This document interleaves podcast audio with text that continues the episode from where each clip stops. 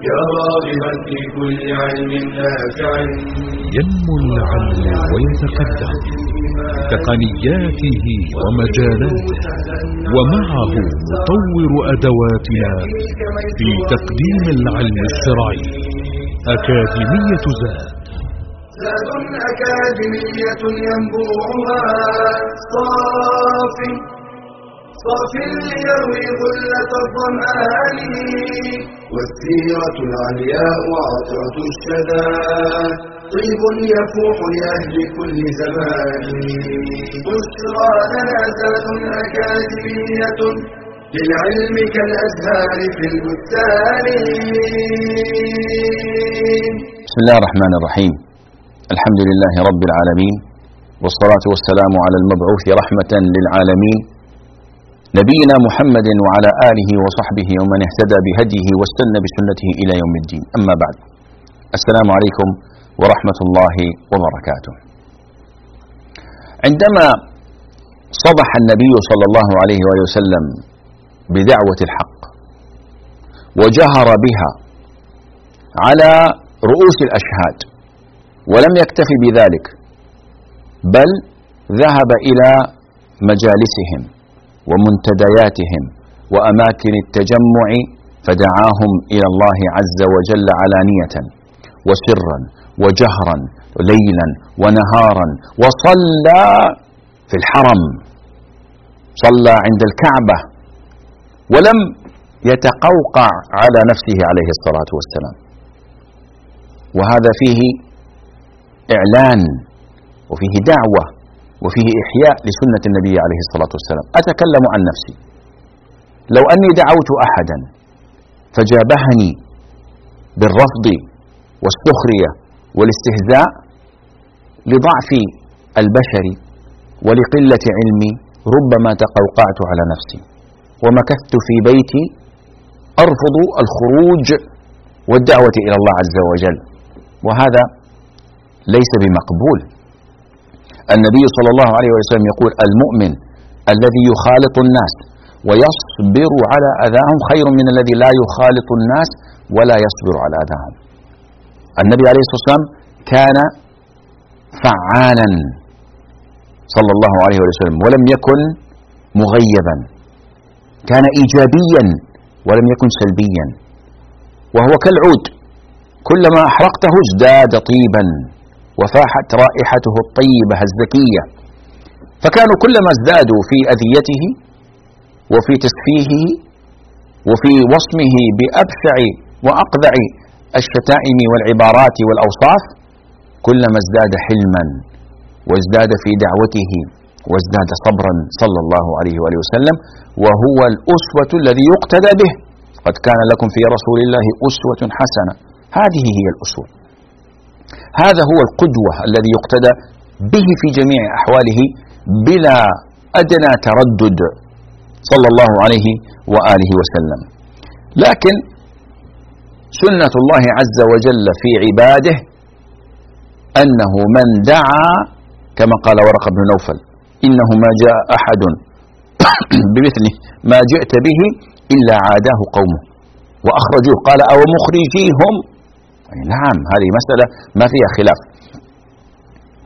قال عز من قائل أحسب الناس أن يتركوا أن يقولوا آمنا وهم لا يفتنون لا يعذبون لا يضطهدون.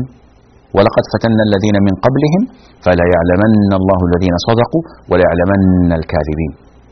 سنة الله في خلقه. فقد آذوا النبي صلى الله عليه وسلم أذية عظيمة. الآن يعني من أنواع أذيتهم اتهامه في أحب الأشياء إليه. فاتهموه بأنه مجنون وهو أعقلهم. اتهموه بأنه ساحر. اتهموه بأنه كاهن. اتهموه بأنه شاعر. وما علمناه الشعر وما ينبغي له. صلى الله عليه وسلم. اتهموه بأشياء عجيبة كثيرة. وهذا من أذيتهم له. الأذية النفسية. وأذوه جسديا صلى الله عليه وسلم. فكان كما جاء في الأحاديث أنهم كانوا يؤذونه في بيته في طريقه بل وحتى في المسجد الحرام. أبو لهب الحكم بن العاص عقبة بن أبي معيط وكانوا جيرانه لكنه لما صبح بدعوة الحق بدأت أذيتهم تظهر. فكانوا يضع الأذى في طريقه. يذهب إلى القدر البرمة الإناء في بيته خفية ويضع فيها القاذورات ويضع فيها كرشة الغنم أو أمعاءها أو كذا. والنبي عليه وسلم يخرج إليهم ويقول ما هذا الجوار يا آل كذا وكذا يا بني عبد المناف أي جوار هذا؟ بل أنه الرواية المعروفة التي يعرفها الجميع أنه كان يصلي ذات يوم عند الكعبة بمرأة من الناس. طبعا صفة الصلاة من ركوع من سجود هذه تضع هيبة على الإنسان عندما يصلي في قلوب الكفار. يعني تكاد ترى النور يخرج ويشع من المصلي المتعبد لربه. فكيف بالنبي صلى الله عليه وسلم؟ فهو يصلي اجتمع القوم فقالوا أيكم يذهب إلى سلا جزور بني فلان؟ بني فلان نحروا جزورا نحروا نحروا آه، آه، آه، ناقة. فمن منكم يذهب إلى سلاها إلى الكرشة والفرث وكذا و فيضعها على ظهره إن هو سجد. فذهب أشقى القوم. عقبة بن أبي معيط. عليه لعنة الله. وأتى بها حتى إذا سجن النبي عليه الصلاة والسلام جعلها على رقبته وعلى ظهره. والقوم يتضاحكون ويتباطحون يعني يرتمي أحدهم على ظهره من الضحك من كثرة يعني أنه ما يستطيع أن يملك نفسه من رؤية هذا المنظر المضحك في زعمهم. والنبي عليه الصلاة والسلام لا يرفع رأسه. يشعر لكنه يسبح الله ويعظمه ويمجده ويحمده. حتى ذهب أحدهم فأخبر فاطمة وهي جارية يعني صغيرة طفلة فأتت تسعى. حتى رفعت ذلك الأذى وأزالته عن ظهر أبيها وهي تشتمهم. صغيرة بنت صغيرة لكن سبحان الله كيف صارت سيدة؟ نساء أهل الجنة إلا بقوة إيمانها ورباطة جأشها وحبها لأبيها صلى الله عليه وسلم ورضي الله عنها. فلما رفع النبي صلى الله عليه وسلم رأسه وقضى صلاته وكانوا يتضاحكون استقبلهم صلى الله عليه وسلم وقال اللهم عليك بقريش اللهم عليك بقريش اللهم عليك بقريش. دعا عليهم دعوة عامة. ثم قال اللهم عليك بعمرو بن هشام أبو, لا أبو جهل وعليك بعتبة ابن ربيعة وشيبة ابن ربيعة والوليد ابن عتبة وأمي بن خلف وعقبة بن أبي معيط وعمار وعمارة ابن الوليد وكذا. يعدد أقواما. عبد الله بن مسعود رضي الله عنه وأرضاه. يخبرنا أن عدد أقواما رأيت مصرعهم في بدر. لما بدأ يدعو سكت أهل آه، آه، آه، قريش. سكتت سكت أولئك المشركون لأنهم كانوا يخشون الدعوة عليهم في البيت الحرام. فإذا جاءت ممن يعرفون صدقه ويعرفون نبوته حقيقة صلى الله عليه وسلم خافوا وخشوا من ذلك خشية عظيمة. فهل انتهوا عن أذيته؟ هل توقفوا؟ أبدا. ما ازدادوا إلا طغيانا وكفرا. يأتيه عقبة ابن أبي معيط وهو في المسجد فيمسك بثيابه ويغطه ويخنقه خنقا شديدا ويهزه. النبي عليه الصلاة والسلام هو أكمل الرجال وأقواهم. والله لو شاء لضربه ضربة ما قام بعدها ابدا. لكن ما بهذا أمر. الله عز وجل لم يرخص له في ذلك. ويأتي أبو بكر يسعى وهو يقول أتقتلون رجلا؟ أن يقول ربي الله. ويفصل بينه وبين النبي عليه الصلاة والسلام. سبحان الله أذى عجيب. يأتي أبو جهل فيقول ما لي أرى محمد يعفر وجهه أمامكم وبين ظهرانيكم؟ كيف يصلي عندكم في المسجد؟ أمر عجيب هذا غير مقبول. واللات والعزى يقسم ذلك اللعين يقسم ذلك الكافر بغير الله عز وجل. يقول واللات والعزى لئن رأيته يفعل ذلك لأطأن على رقبته أو لأعفرن وجهه في التراب. يقسم على أنه سوف يؤذي النبي عليه الصلاة والسلام. فيأتي عليه الصلاة والسلام للصلاة ويركع. ويسجد. فيقوم أبو جهل ليفعل ما أقسم عليه باللات والعزى.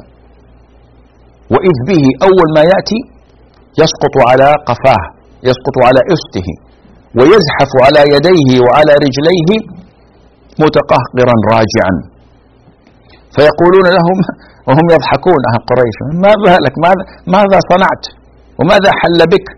فقال أما رأيتم قال ما رأينا شيء. ما رأينا إلا واحد مخبول يسقط على قفاه ويزحف على ظهره كالأطفال.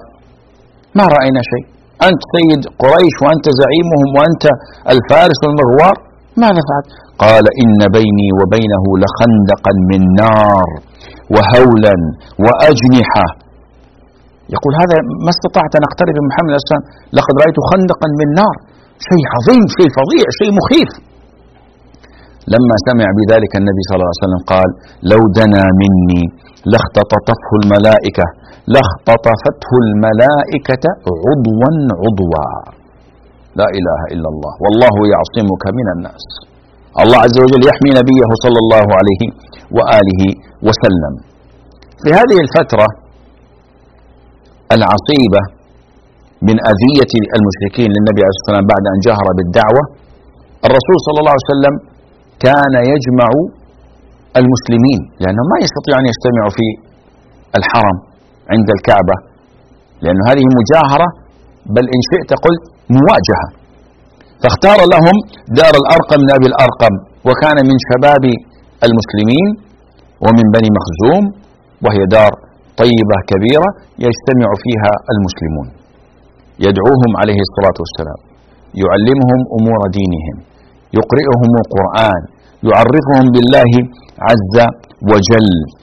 فكان لذلك أكبر الأثر والفائدة لدعوة أولئك الذين أسلموا إلى الإسلام وتثبيت أولئك الذين أسلموا من قبل.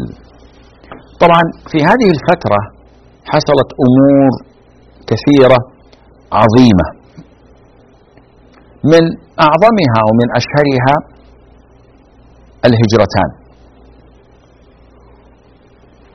فقد عانى المسلمون من قريش معاناة عظيمة. نحن نعرف كيف عذب المسلمون. يعني أبو بكر منعه قومه. ما استطاعوا أن يعتدوا عليه. النبي عليه الصلاة والسلام منعه عمه وعشيرته لكن بقية المسلمين ما استطاعوا أن يدافعوا عن أنفسهم. وما رخص لهم في القتال فكانوا يعذبون ويؤذون وكان يتم التنكيل بهم علانية كي يكونوا عبرة لمن خلفهم. ونعلم ما فعل أبو جهل بسمية أم عمار وبياسر أبي عمار.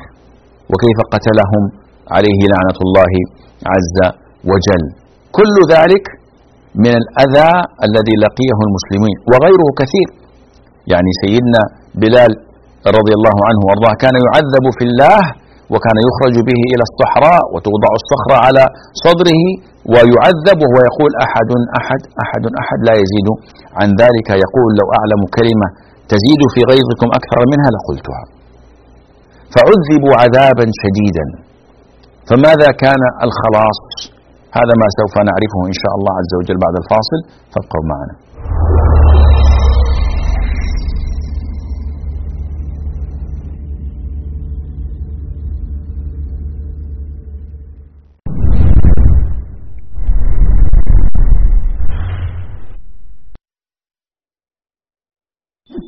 جهل وظلم فرقة وقطيعة شرك وضلال. هكذا كان الحال فيأذن الله بإشراقة فجر جديد ونور يمحو به تلك الظلمات. محمد رسول الله. وصفه ربه بقوله وإنك لعلى خلق عظيم. فجمع له من خصال الكمال ومحاسن الصفات. ما لم ينله أحد من البشر. فقد ثبت أنه كان أوفر الناس عقلا أجودهم نفسا أرحبهم صدرا أشدهم حياء. كان أشجع الناس وأزهدهم في الدنيا وأكثرهم تواضعا.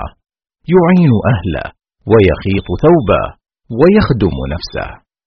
يزور المسلمين وغير المسلمين ويعود مرضاهم ويدعوهم إلى الخير.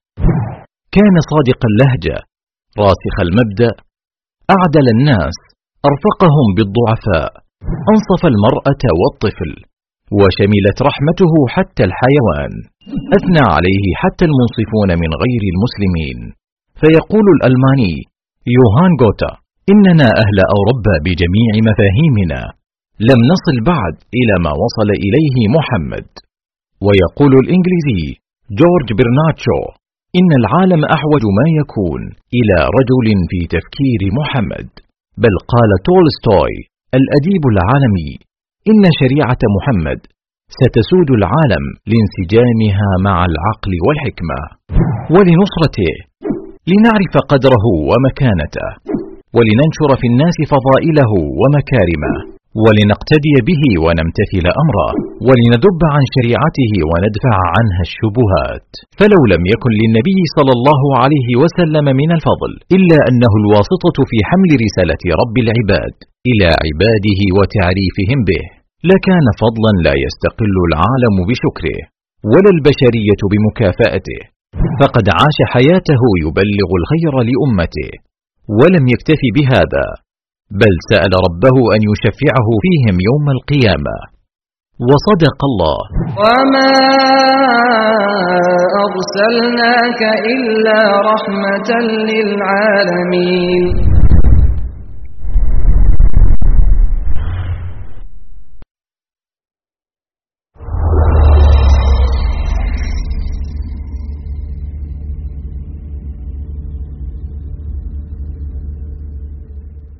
السلام عليكم ورحمة الله.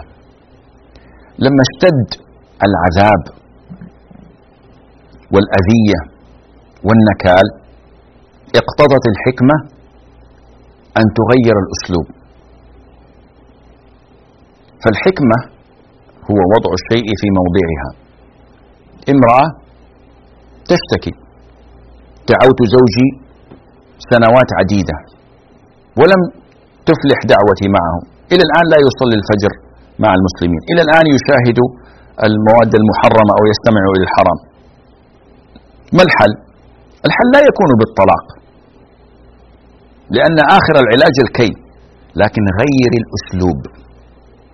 إن استخدمت الترهيب حاولي الترغيب. إن استخدمت كذا غيري بنوع آخر من طهي ما يحب من من الطعام ولبس ما يعجبه من الثياب. حاولي أن تغيري. الآن النبي عليه الصلاة والسلام حاول معهم في الفترة السرية في الفترة الجهرية وهم لا يدخلون في الإسلام بل يحاربونه ويؤذونه ويؤذون أتباعهم. وصل الأمر إلى مبلغ أنه لا بد من محاولة أخرى. لابد من الانتشار لابد من العالمية. لا تقتصر على محيطك. فكر خارج الصندوق كما يقولون. عندنا مشكلة عندنا أزمة. ما الحل؟ خياراتنا واحد اثنين عشرة. أين المصالح؟ أين المفاسد؟ هل كل هذه الخيارات مقبولة شرعا؟ ننظر إلى الأفضل منها. فقد جاءت الشريعة تحصيل المنافع وتكميلها ودرء المفاسد وتقليلها كما يقول شيخ الإسلام ابن تيمية رحمه الله. فالنبي عليه الصلاة والسلام أخبرهم عندما كثرت شكواهم وازدادت معاناتهم أخبرهم بأن يذهبوا إلى أرض الحبشة فإن فيها ملكا لا يظلم أحد عنده فالحقوا ببلاده حتى يجعل الله لكم فرجا ومخرجا مما أنتم فيه. فأذن لهم بالهجرة. وهذه تعرف باسم الهجرة الأولى للحبشة. لكن انظر إلى أهمية العدل.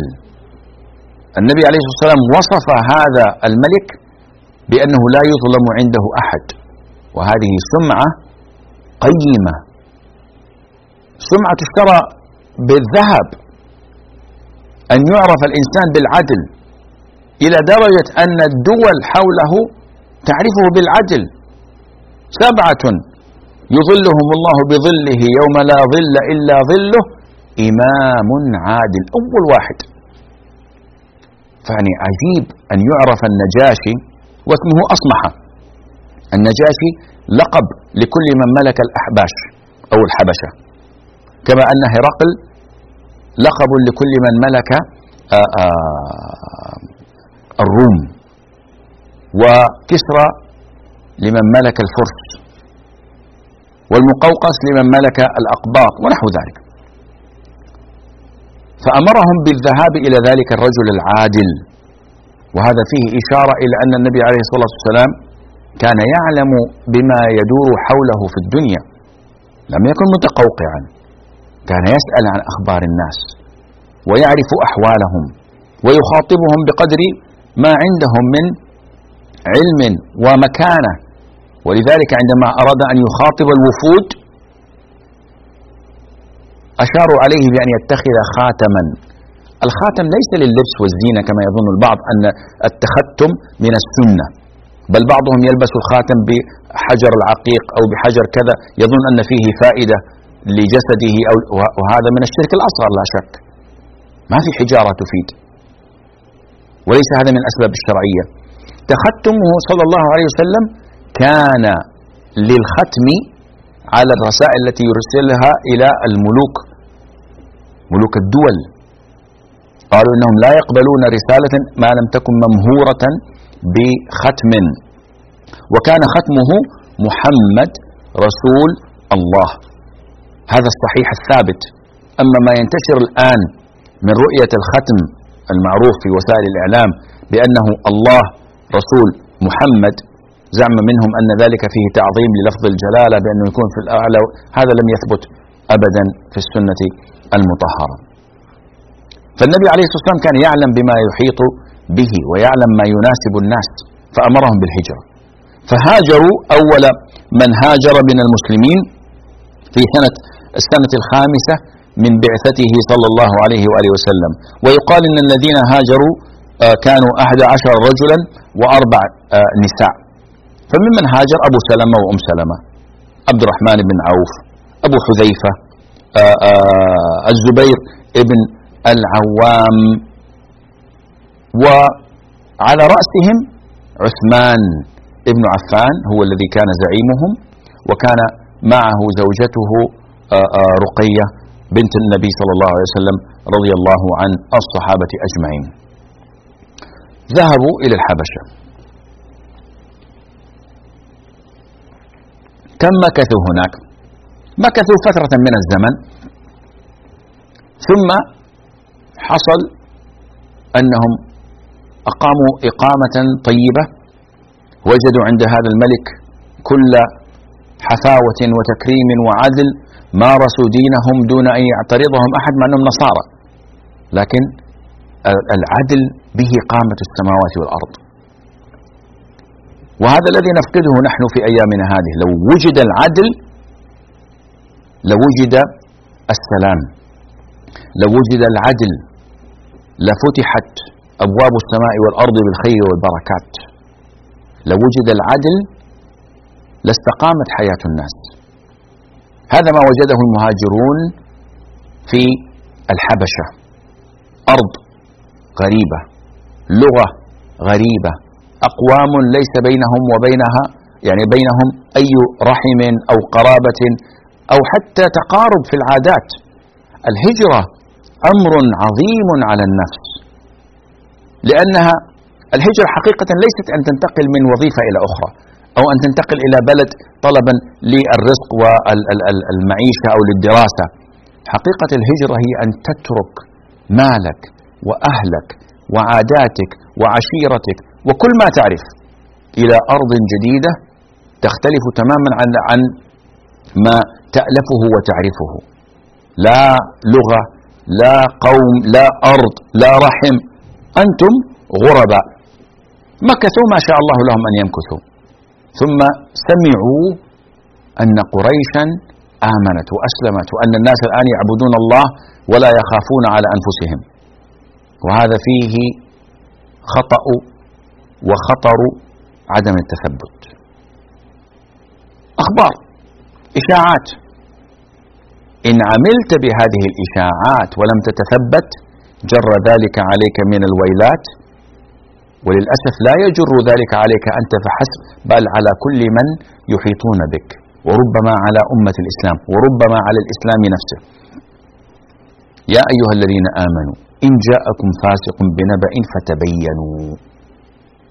لا بد من التثبت لا بد من التبين. المسلمون في الحبشة على الرغم من الأمن والأمان إلا أنهم في بلد غريب. والغربة لها أثر عظيم على النفس. ما أن سمعوا تلك الإشاعة حتى قفلوا راجعين. يريدوا أن يرجعوا إلى ما ألفوه إلى بلادهم إلى أحبابهم. فلما رجعوا إذ بهم يكتشفوا أن هذا الأمر لم يكن على حقيقته واقعه ففجعوا بما رأوا وصدموا به. فأذن النبي صلى الله عليه وسلم لهم مرة أخرى أن يهاجروا. بل إن أبا بكر رضي الله عنه وأرضاه استأذن, استأذن النبي صلى الله عليه وسلم بالهجرة فأذن لهم. فخرج رضي الله عنه وأرضاه. حتى إذا بلغ برك الغماد منطقة قرابة الساحل لقيه ابن الدغنة. فسأله يعني ما الذي أخرجك؟ ماذا أين تريد؟ قال أريد أن أذهب إلى الحبشة لأن قومك آه، آه، آه، منعوني أن أعبد ربي فأريد أن أسيح في الأرض. فماذا قال له ابن الدغنة قال له مثلك لا يخرج ولا يخرج. ليش؟ قال فإنك تكسب المعدوم وتصل الرحم وتحمل الكل وتقري الضيف وتعين على نوابئ الحق وتعين على نوائب الحق. نفس العبارة التي قالتها أمنا خديجة رضي الله عنها في النبي عليه الصلاة والسلام. والطيور على أشكالها تقع. أبو بكر تخلق بأخلاق الرسول عليه الصلاة والسلام حتى عرف بذلك. الهجرة الثانية للحبشة كانت أكثر عددا. فيقال إن الذين هاجروا فيها 82 رجلا وثمانية عشرة امرأة وأبناؤهم. وذهبوا بعدد أكبر من العدد السابق. فسبب ذلك فراغا في قريش. أول كانوا دون العشرين. الآن أنت تتحدث عن يعني آه، آه، كمية شارفت على المئة أو أكثر. هذا الفراغ أثار الخوف في قلوب المشركين وخشوا أن ينتشر هذا الدين. فكادوا لذلك مكيدا. أرسلوا إلى النجاشي باثنين من أبناء قريش.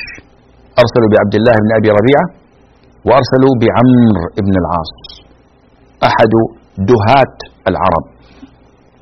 وأمروهما أن يأخذوا معهم الهدايا من الجلد وغيرها ويبدأ بالبطارقة والأساقفة رجال الدين الحاشية الذين يؤثروا عادة في رأي الملك. ابدأوا فأفسدوا الحاشية ثم خاطبوا الملك فذهبوا وصنعوا ما يعرف باسم اللوبي. واللوبي هذا ضروري جدا في أيام السياسة القذرة نسأل الله العافية هذه الأيام. أن يكون هنالك لوبي يؤثر على الرأي العام. في دول الكفار في دول مسلمة في كذا. نحتاج إلى من يقوم بحملة علاقات عامة للذب عن سمعة الإسلام للذب عن سمعة بلاد الإسلام. كثيرا ما يتهم المسلمون بالتقصير. كثيرا ما يتهم بلاد المسلمين بالتقصير في حقوق المسلمين وفي حقوق الأقليات وفي المضطهدين مما يؤجج نار الحقد والغضب في قلوب أولئك الجهلة والأغمار من الخوارج ومن التكفيريين وكذا. لكن لو قامت الدول بواجبها في تبيين الحق وفي تبيين جهودها وتبيين ما تفعله للمسلمين لألقموهم حجرا. لكن إذا كان هنالك خلل في العلاقات العامة في تكوين اللوبي الذي يسيطر على الرأي العام هذا ما يحصل. فبعثوا بهؤلاء أو بهذين الرجلين. أعطوا الهدايا للبطارقة والأساقفة وأعطوا بعد ذلك الهدايا العظمى للنجاشي. وتكلموا مع البطارقة والأساقفة إن هؤلاء سفهاء من قومنا نحن نعلم بهم وكذا يعني ما في داعي أنه النجاشي يسمع لهم آه، أو إلى كلامهم لأن هؤلاء السفهاء نخشى أن يؤثر عليه. لذلك نحن أعلم بقومهم أعلم بقومنا.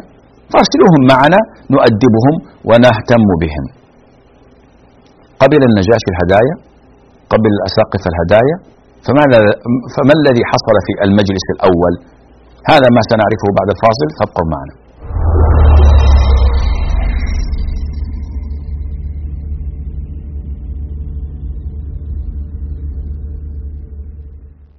إذا أحببت أن تتعرف على دينك أكثر أن تزداد علما وتنهل خيرا أن تسمع وترى ما يقربك من ربك ويحببك في نبيك وتزكو به نفسك. في قناة زاد تجد ذلك وأكثر. تصفح وتجول في واحة إيمانية من مقاطع مميزة من إنتاج مجموعة زاد. تتنوع بين المادة العلمية والرقائق الإيمانية والفواصل الدعوية المحترفة إعلامية والمؤصلة منهجية. تخاطب الرجال والنساء الكبار والصغار تدعو البعيد وتؤنس القريب. مقاطع motion graphic مميزة دورات علمية متخصصة فواصل درامية شيقة لقاءات دعوية ممتعة برامج تلفزيونية وندوات شرعية. شاهد شارك انشر.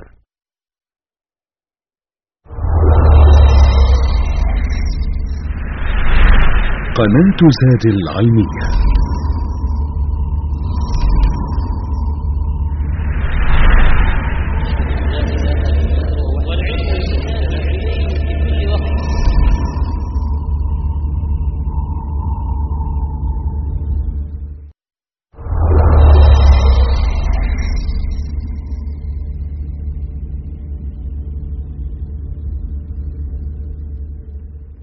السلام عليكم ورحمة الله وبركاته. لما قدم عبد الله بن أبي ربيعة وعمرو بن العاص على النجاشي وقد قدموا الهدايا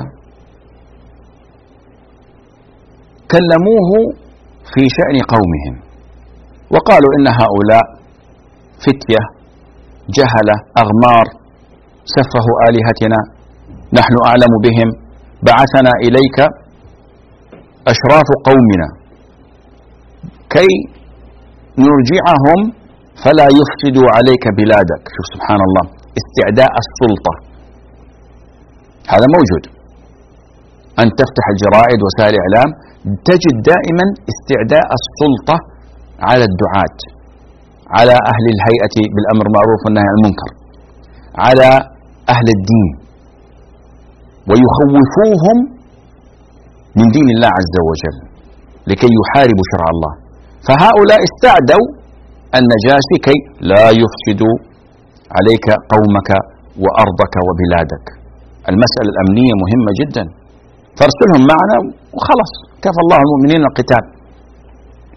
فرفض ذلك النجاشي لأنه رجل حكيم عادل. قال كيف أخرج قوما رضوا بجواري وأتوا في بلادي دون أن أسمع منهم. لا والله هذا من الظلم الذي لا أقبل به. لا بد أن أستمع إليهم وأن أنظر في أمرهم. فإن كانوا كما قلتم بعثتهم معكم ولا مرحبا بهم ولا أهلا. وإما إن كانوا خلاف ذلك فلا والله لا أخرج من دياري من قبل بي. وكانوا يكرهوا ذلك كرها عظيما أن يسمع لقولهم لما علموا من أن قولهم فيه حق وجمال وحلاوة. فلما عرف المسلمون بذلك أسقط في أيديهم. قالوا ماذا نقول؟ وكان المتحدث الرسمي باسم المسلمين جعفر بن أبي طالب رضي الله عنه وأرضاه. ذو الجناحين. وزوجه آنذاك أسماء بنت عميس تلك المرأة العاقلة الحكيمة الرزينة. سبحان الله أسماء بنت عميس تزوجها ثلاثة من أعظم العرب. هذا مسألة أخرى يعني. تزوجها جعفر بن أبي طالب. فلما استشهد في مؤتة تزوجها أبو بكر الصديق. وخلف منها محمد. فلما توفي رضي الله عنه وأرضاه هي التي غسلته. تزوجها علي بن أبي طالب. ثلاث من أعظم الصحابة تزوجوا تلك المرأة العاقلة رضي الله عنها وأرضاها. فقام جعفر يتحدث مع النجاشي. قال له يعني ما خطبكم؟ قال يا أيها الملك كنا في ظلام وجهل. كنا نعبد الأوثان ونقطع الأرحام ويغير بعضنا على بعض. كنا نستبيح المحرمات والفواحش. كنا نشرب الخمر ونائد البنات ونفعل ونفعل ونفعل. حتى إذا بعث الله عز وجل رسولا منا ومن أنفسنا ونعلم نسبه وصدقه وأمانته فأمرنا أن نعبد الله وحده ولا نشرك به شيئا. وحرم علينا الزنا وشرب الخمر والقتل وحرم علينا كذا وكذا وأمرنا بصلة الأرحام وأمرنا بالتوحيد والصلاة وكذا وكذا وعدد عليه محاسن الإسلام. فقال بعد ذلك كله وقرأ عليه صدر سورة مريم. كافها يا عين صاد إلى آخر ما قرأه من المقطع. وإذ بالنجاشي والبطارقة يسمعون كلام الله عز وجل فيبكون ويتأثرون ويرقون إلى ذلك رقة, رقة عظيمة حتى اخضلت لحاهم من الدموع. فقال لهم اذهبوا فسيحوا في أرضي لا يتعرض إليكم أحد. هذا هو الدين الحق وهذا إشارة إلى أنك إذا أردت أن تدعو إلى الله عز وجل كثير من الناس يضع أمامه عقبات. قال يا أخي ما أدري إيش أقول في مسألة آه، آه، تعدد الزوجات. ما أدري ماذا أقول في زواج النبي صلى الله عليه وسلم بعائشة في سن صغيرة. يأتي بالعقبات أخي الحبيب أختي الكريمة الإسلام دين الله عز وجل. تركتكم على البيضاء ليلها كنهارها لا يزيغ عنها إلا هالك. الدين الإسلامي أعظم دين. فقط اعرض ما عندك والله يفتح به أو بذلك القلوب. لكننا نغفل عن عظمة هذا الدين فنحير. ولا ندري ماذا نفعل أو نقول أو كيف ندعو أو كيف نواجه الناس. وهذا لضعف التوكل وقلة اليقين وقلة البضاعة من العلم الشرعي. عمرو بن العاص قال لعبد الله بن أبي ربيعة قال والله لأتينهم غدا بالحالقة. لأتين بأمر تستأصلهم عن شأفة أبيهم. سبحان الله. قال عبد الله وكان يعني أكثرهم ديانة وورعا يعني اتق الله فإن لهم رحما. هذول قرابتنا وجماعتنا. فأتاه في اليوم الذي يليه وقال للنجاشي يا أيها الملك سلهم ماذا يقولون في عيسى بن مريم. أنت نصراني وأنت تعبد عيسى بن مريم وأنت تؤمن به سلهم ماذا يقولون فيه. فأسقط في أيدي المسلمين. قالوا ماذا تقولون لهم؟ هم يؤمنون أنه إله. قال جعفر والله لا أقول إلا ما ذكره الله عز وجل كائنا ما كان. هذا دين هذا شرع ما في مساومات ما في تنازلات. لابد أن تعرض الدين كما هو لكن بحكمة. فلما جاءه في مجلسه قال ماذا تقولون في عيسى بن مريم؟ أنت تخيل الوضع ملك أبهة أسلحة جيش حاشية سجاد فارسي بالرخام نجف الطعام الخدم الحشم. سبحان الله شيء مهيب. لذلك السلف كانوا ينهون عن الدخول على السلطان. لئلا يفتتن. قال عليه الصلاة والسلام من تتبع الصيد غفل ومن دخل على السلطان افتتن. أو كما قال عليه الصلاة والسلام. جعفر قلبه ملئ بالإيمان. فلم يرتج أو يرتج عليه. ما تلكلك قال ما نقول فيه إلا ما قاله الله عز وجل في كتابه أنه عبد الله ورسوله وروح منه ألقاها الله عز وجل إلى مريم. فنخر الأساقفة والبطارقة هذا الكلام. هذا شيء ما هو مقبول. فسكتهم وصمتهم وقال ما والله ما تجاوز عيسى إلا كما قالوا هذا العود. يعني هذا الذي قاله قالوه هو الصح هو الصواب. ما تجاوز أبدا في كلامه عنه قيد أمله هو الكلام الصحيح وهو وصف عيسى عليه الصلاة والسلام. فرجع الرسولان بالخيبة والندم والفشل الذريع. في هذه الفترة أسلم رجلان. أسلم حمزة بن عبد المطلب وأسلم عمر بن الخطاب. وإسلام عمر رضي الله عنه كان في آخر السنة السادسة للهجرة. وهذا أمر عجيب. ست سنوات أو خمس أسلم من أسلم. ومع ذلك جاء في الأخير رضي الله عنه وأرضاه وتبوأ أعلى المناصب. فأصبح ثاني أهم رجل في أمة الإسلام. عمر بن الخطاب. هذا يدلك على أن السن على أن الأسبقية على أن الخبرة قد لا تكون دائما هي مفتاح البلوغ والوصول. إنما هو توفيق من الله عز وجل. لهذا الذي كان عدوا للإسلام كيف تحول؟ أم عبد الله إحدى الصحابيات رضي الله عنها وهي تحزم أمتعتها للذهاب إلى الحبشة مر بها عمر وقد آذاهم أذية عظيمة. حبس ابن عمه وزوج أخته سعيد بن زيد ابن عمرو بن نفيل العدوي القرشي رضي الله عنه أحد عشر مبشرين بالجنة كان يوثقه بالحبال على إسلامه ويعذبه. فمر بها فقال يعني خلاص نويتم السفر نويتم المغادرة؟ قالت نعم. أيذيتمونا وعذبتمونا ولم تتركوا لنا مجالا أن نعبد الله فسوف نذهب. فقال رافقتكم السلامة. فلما جاء زوجها تعجبت وقالت لو رأيت ما رأيت من رقة آآ آآ عمر رأيت الشيء العجيب. فقال أتطمعين أن يسلم؟ قالت إي والله.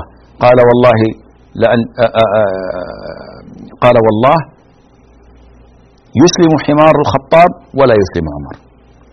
يعني من, من استبعادهم لهذا الأمر وهذا يدل على أنك لا تسأم ولا تفقد الأمل في إسلام أحد ترجو إسلامه لأن الهداية بيد الله. وكنتم على شفا حفرة يقول عز وجل.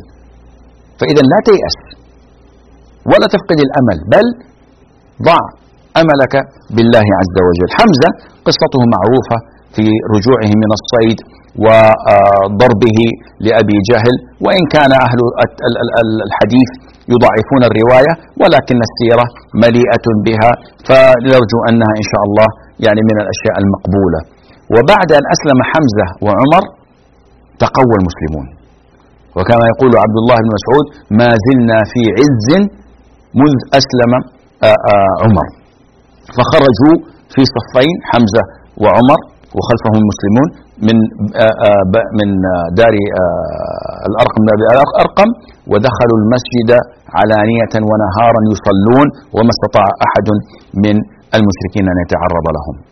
طبعا هنالك أمور حصلت منها إرسال المشركين آه، إلى يهود المدينة يسألونهم عن هذا الرجل فأخبروهم وأمروهم أن يسألوه عن الفتية الذين آه، خرجوا في أول آه، الزمان أو ماذا كان أمرهم وسألوه واسألوه عن الرجل الذي كان يطوف الأرض مشرقها ومغربها واسألوه عن الروح.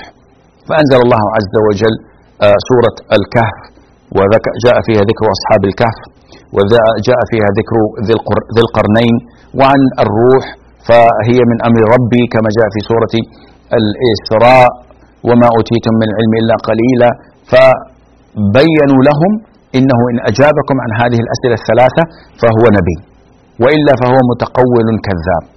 فأثبت أو أثبت لهم عن طريق ذلك أو عن هذه النبوءات التي أخبر بها النبي عليه الصلاة والسلام أنه نبي الله عز وجل بحق.